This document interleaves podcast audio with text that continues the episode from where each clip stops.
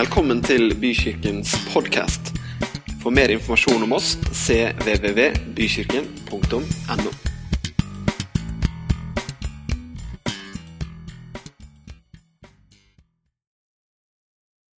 Det er tema i dag. Det er om å feire. og Jeg skal ikke holde på veldig lenge, men dele noen få tanker om det å feire. Det er et spennende tema. faktisk. Jeg har tenkt, jeg har tenkt ganske mye på det siden jeg fikk, eh, fikk det oppdraget her. Og jeg har kommet fram til at vi har en altfor grunn forståelse av viktigheten av å feire. Så det må vi snakke litt om. Og vi er altfor dårlige til å feire. Altfor dårlige til å feire. Så nå håper jeg kan overbevise deg om det i løpet av noen få tanker her. Eh, fest, høytid, feiring.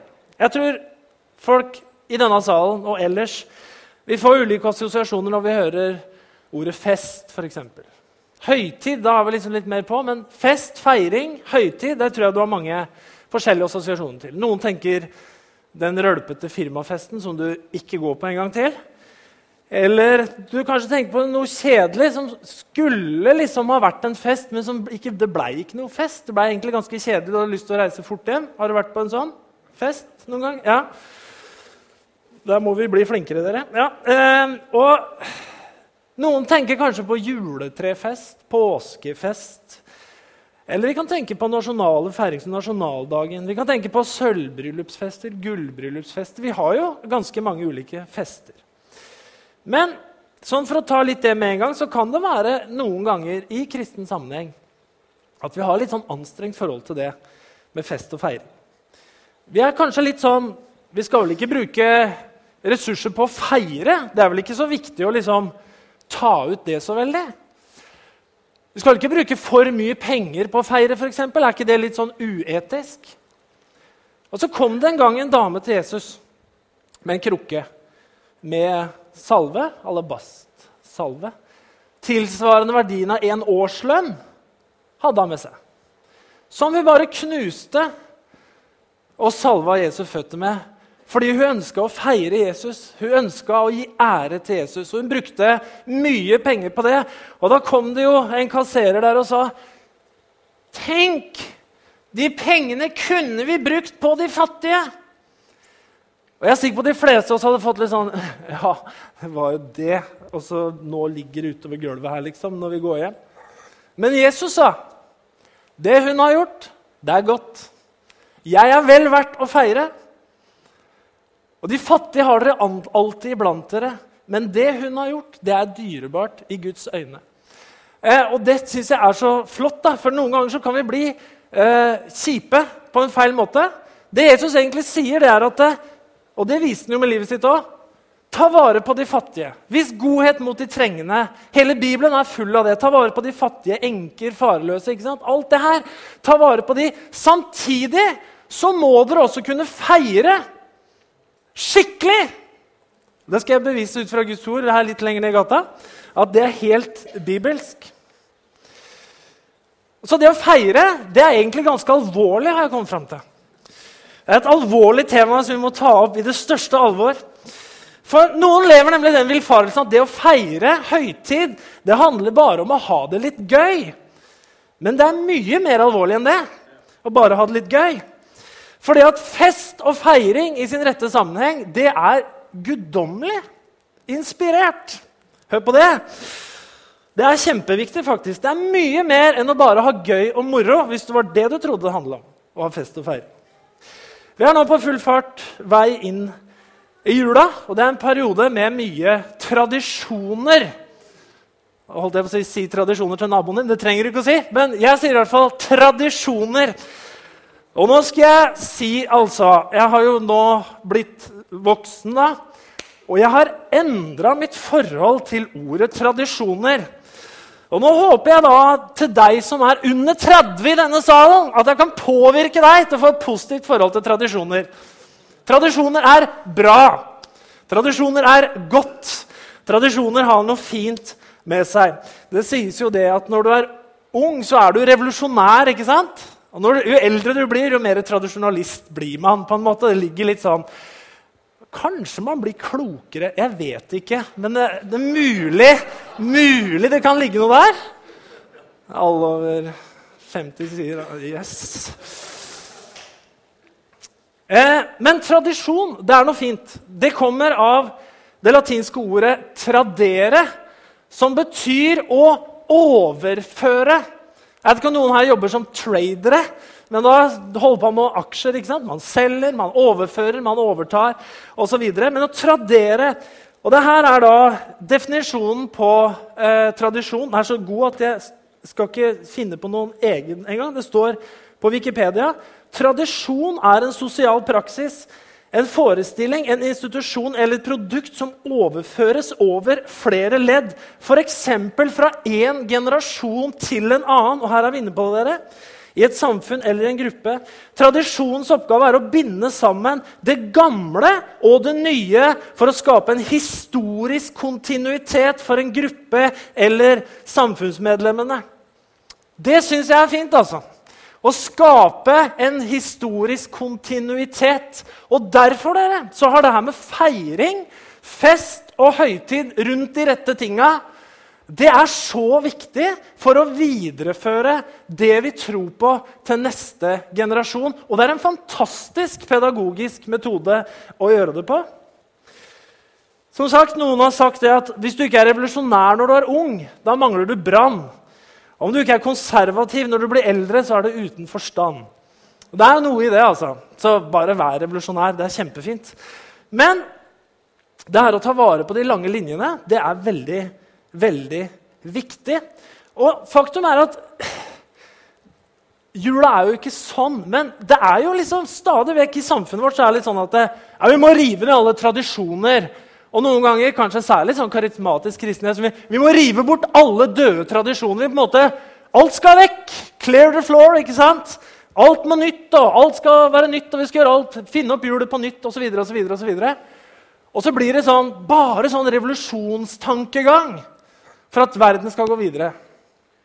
Og faktisk er at Revolusjoner har noen ganger gjort gode ting i verden. Men revolusjoner innebærer også som regel fryktelig mye lidelse og kaos. Den arabiske våren oh, satt vi her i Vesten og sa nå blir det revolusjon! De demonstrerer i hele Midtøsten. Det blei revolusjon, men det har blitt mye annet òg. Midtøsten brenner opp. Den franske revolusjonen, som vi ofte ærer, som jo har gitt gode resultater sånn på sikt. Den var jo fryktelig faktisk mens den pågikk. Revolusjon spiser sine egne barn, er det noe som heter. Det var akkurat det som skjedde, at De som hadde gjennomført revolusjonen, de ble så mistenkelige for hverandre. Hvis du i det hele tatt kunne mistenkes for å ikke være på linje med revolusjonen, så ble du drept av dine egne. Mens kontinuitet, røtter, fellesskap det her som bare ruller og går, som har med tradisjon å gjøre, det er faktisk viktig for, oss, for, å, for, å, ha det litt sånn stabilt i livet også for neste generasjon. Noen tanker. Det er mye som avgjør om vi opplever et godt liv. Det er jo det å ha trygghet, ha penger, ha mat. At vi har mennesker rundt oss som er glad i oss. At vi opplever at vi gjør noe meningsfylt med livet vårt. Men om vi har alt, alle ting, alle materielle goder, alt det her, men ikke har røtter ikke har identitet, så blir det andre liksom svevende litt sånn i løse lufta, og vi kan visne veldig fort om vi har kutta røttene. Og jeg tenkte litt på den historien i Bibelen om den bortkomne sønn. Han, han, var hjemme. Han var hjemme hos pappa. Han var i utgangspunktet der han hadde røttene sine. Der oppholdt han seg. Så vil han ha alle pengene sine. Han vil ut i verden.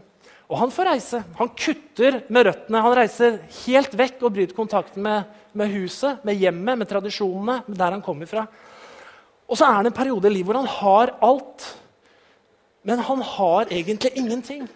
Fordi at når han mister pengene, så viser det seg hvor lite han egentlig har. Og det er jo litt sånn i samfunnet vårt da. Vi har mye penger. Vi har kåra igjen og igjen og igjen til verdens rikeste land. verdens beste land. Det er til og med en radiosending på P3 som heter 'Verdens rikeste land'. Sikkert sånn ironisk greie da. Men uansett så er det Det holder ikke i livet. Vi må ha noe mer. For om pengene tar slutt, hva har vi da? Da handler det om å ha noen røtter ha noe annet som er bygd inn i oss. Som det her med feiring, tradisjoner og fest. har en stor plass i. Denne gutten han skjønner jo det, at han er uten røtter plutselig. og lengter, Han lengter hjem igjen til pappa. Han lengter ikke hjem til pengene. Han lengter ikke hjem til å på en måte få de fine klærne og få kontoen fylt opp igjen. For det tenkte han at det får jeg aldri. Men han lengta hjem til røttene sine. Han lengta hjem til det stedet hvor han kom ifra. Det lengta han hjem til. Og det her med feiring, tradisjon og fest det er med å skape røtter og fellesskap. For hjem handler om fellesskap, og feiring handler om fellesskap. Det er ikke noe vi gjør aleine, dere. Det er det som er så fint. I vår individualistiske tid, hvor vi er veldig, egentlig veldig opptatt av oss sjøl og mine opplevelser, og sånn, så kan vi også kanskje gjøre feiringa til noe som, som, handler om at jeg skal liksom ha det fint. Jeg skal liksom stå i sentrum for her. Men feiring, det er oss. Det er noe vi gjør sammen. ikke sant? Det er noe som skaper fellesskap. Og det, det kan du tenke på når du går inn i jula nå. Det at jeg feirer jul skikkelig, feirer at Jesus har kommet, det er noe jeg gjør, men jeg gjør det sammen med alle andre. For dette her er en fellesskapsgreie som betyr mye. Tradisjon, det å overføre fra en generasjon til en annen. Gud Skal jeg ta det eksempelet? La oss si at du har en familie, eller at du har en by, eller at du har et land, eller at du har en hel menneskehet som du ønsker å overlevere noe til fra generasjon til generasjon. Vi er klar over at ting kan forsvinne veldig fort hvis ikke det blir overlevert til neste generasjon. Hva gjør du da for å få til det å overføre noe du gir i dag, til neste generasjon, så de overfører til neste generasjon, så de overfører til neste generasjon. Hva gjør du da? Hva gjorde Gud da? Det var nemlig sånn at Gud gjorde noe med det. Han satte i gang og kommanderte Israel til å holde i hvert fall syv fester i året. Det ble dem pålagt. Feiring og fest syv ganger i året. Det må dere gjøre. Er ikke det interessant? Han vil jo nemlig sende en frelser til verden. Jesus, han som vi feirer i de dagene her. For å forberede det så utvalgte han seg en mann som skulle være far til det folket som Jesus skulle komme fra. Det var Abraham. Og ut fra Abraham så kom det noen sønner, så kom det noen stammer, som til sammen utgjorde Israels folk. Og til Israel hvis vi leser Gamletestamentet, så sendte Gud han sendte profeter, han sendte dommere, han sendte konger. Mange som formidla Guds tanker og Guds ideer inn i israelsfolket. For å forberede at Jesus skulle komme. Men det er klart, Moses døde. Profetene døde. Kongene døde. Dommerne døde. Og Jesus, når han kom, han døde også når han sto opp igjen. Men han dro av gårde. Så han er ikke her nå sånn som han var den tida han var her nede. Så hva gjør Gud i mellomtida da? For å ta vare på alt det han leverer i en generasjon, så det går videre og videre og videre og videre. og videre. Jo, han pålegger dem å feire. Det er det han gjør. Syv ganger i året. I tredje Mosebok vi skal ikke lese det, kapittel 23, så står det påbudet om alle høytidene som de skulle ha hvert eneste år. Det var påske, det usyra brøds høytid, påske, altså forbigang, som var jo å feire det her at dødsenglene hadde gått forbi, og israelsfolk hadde blitt befridd ut fra Egypt. Det må dere ikke glemme, sier Gud. Det må dere feire hvert år. Dere, hele folket, sammen. Dere må feire påske. Dere skal spise, dere skal drikke, dere skal ha fellesskap, dere skal huske på, og dere skal si disse orda her om hva som skjedde. Pinse må dere feire. Shabbut Ukefesten, 50 dager etter påske, må dere feire pinse. Kornhøstens høytid, det må dere feire. Samtidig feirer dere da at Moses toran, fikk Toraen av Gud på Sinafjellet. Det må dere feire hvert år! Så må dere feire, så dere ikke glemmer det her. Hanukka, eller Hanukka på hebraisk, eller noe sånt. Det er en åtte dager lang høytid hvor man feirer gjeninnvielsen av tempelet i Jerusalem fra makaberene. Det må dere feire hvert år. Hvis du er borti og leser litt om jødedommen og, og om jøder, så feirer du jo hanukka. Og så må dere feire nummer fire, forsoningsdagen, den store forsoningsdagen. Jom kippur. den store jødiske forsoningsdagen en gang i året. Den må dere feire. Og så måtte de feire Purim, en høytid i, i mars, som, eh, som, er rundt dagen hvor Haman hadde bestemt seg for å utrydde jødene. noe som ikke skjedde.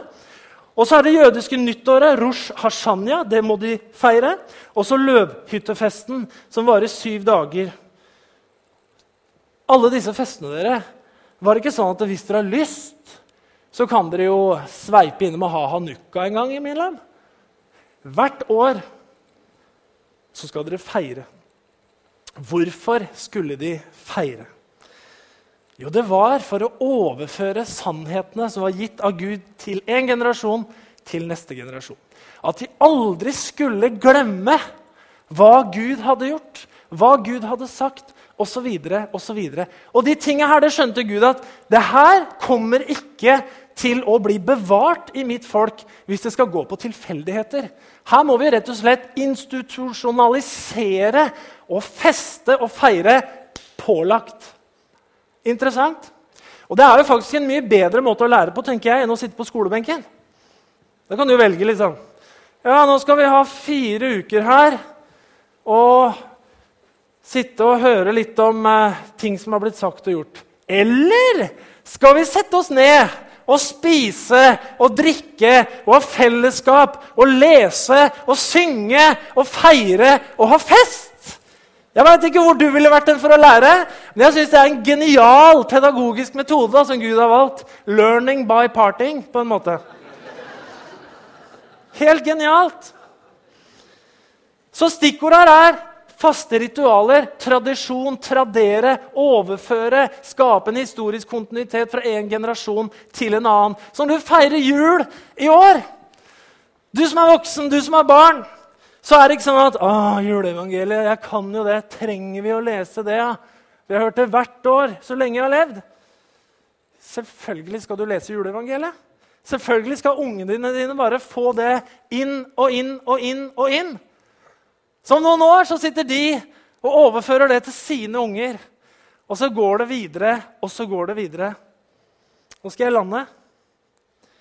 Men det handler om å få noen røtter. Hva hadde du vært hvis ingen feira at du hadde blitt født? Hvis ingen noen gang feira bursdagen din? At ingen feira at du blei trosbevisst og konfirmerte deg, eller hva man kaller det i ulike sammenheng. At ingen feira at du døpte deg, at ingen feira at du gifta deg. At ikke vi feira nasjonaldagen i Norge. Hva om vi kutta ut alle feiringer? Hvor fint hadde det vært, egentlig? Nei, det hadde ikke vært bra. For dette her er det som gir oss identitet. Det er det her som gir oss røtter, det er her som forteller oss hvem vi er. Det er her som gjør oss en del av en større historie, at vi tilhører et fellesskap og ikke bare er individer som virrer omkring. Røtter er viktig, og feiring er viktig for å skape røtter. Som jeg sa, feiring er mye mer alvorlig enn å ha det moro og gøy. Det skal være moro og gøy å feire. Vi skal ha det fint når vi feirer. Det skal være bra stemning, men det tjener en mye større hensikt enn det. Det er læring, det er røtter, og det er identitet. Så i år, da får det bli min oppfordring ha en seriøst bra julefeiring. Og skjønn enda mer hvorfor vi faktisk gjør det her. Det har masse å si. Fint for deg, men det er kjempefint for oss som fellesskap. Og barna våre og neste generasjon. Amen. Vi takker deg, Herre, for at du er verdt å feire. Takker at vi kan feire rundt deg. Takk for at vi kan feire også de tinga som du har gitt oss i livet, Herre. Og Vi takker deg også, Herre, for at du vil være med oss i denne jula, Herre. Og la oss få ha de perspektivene på det som du viser i ditt ord, når du faktisk befalte at man skulle ha høytid. Du befalte at man skulle feire. Du befalte at man skulle minnes på alt det gode som du har gjort. Vi takker deg for det, og velsignet være denne jula for hver og en. I Jesu navn. Amen.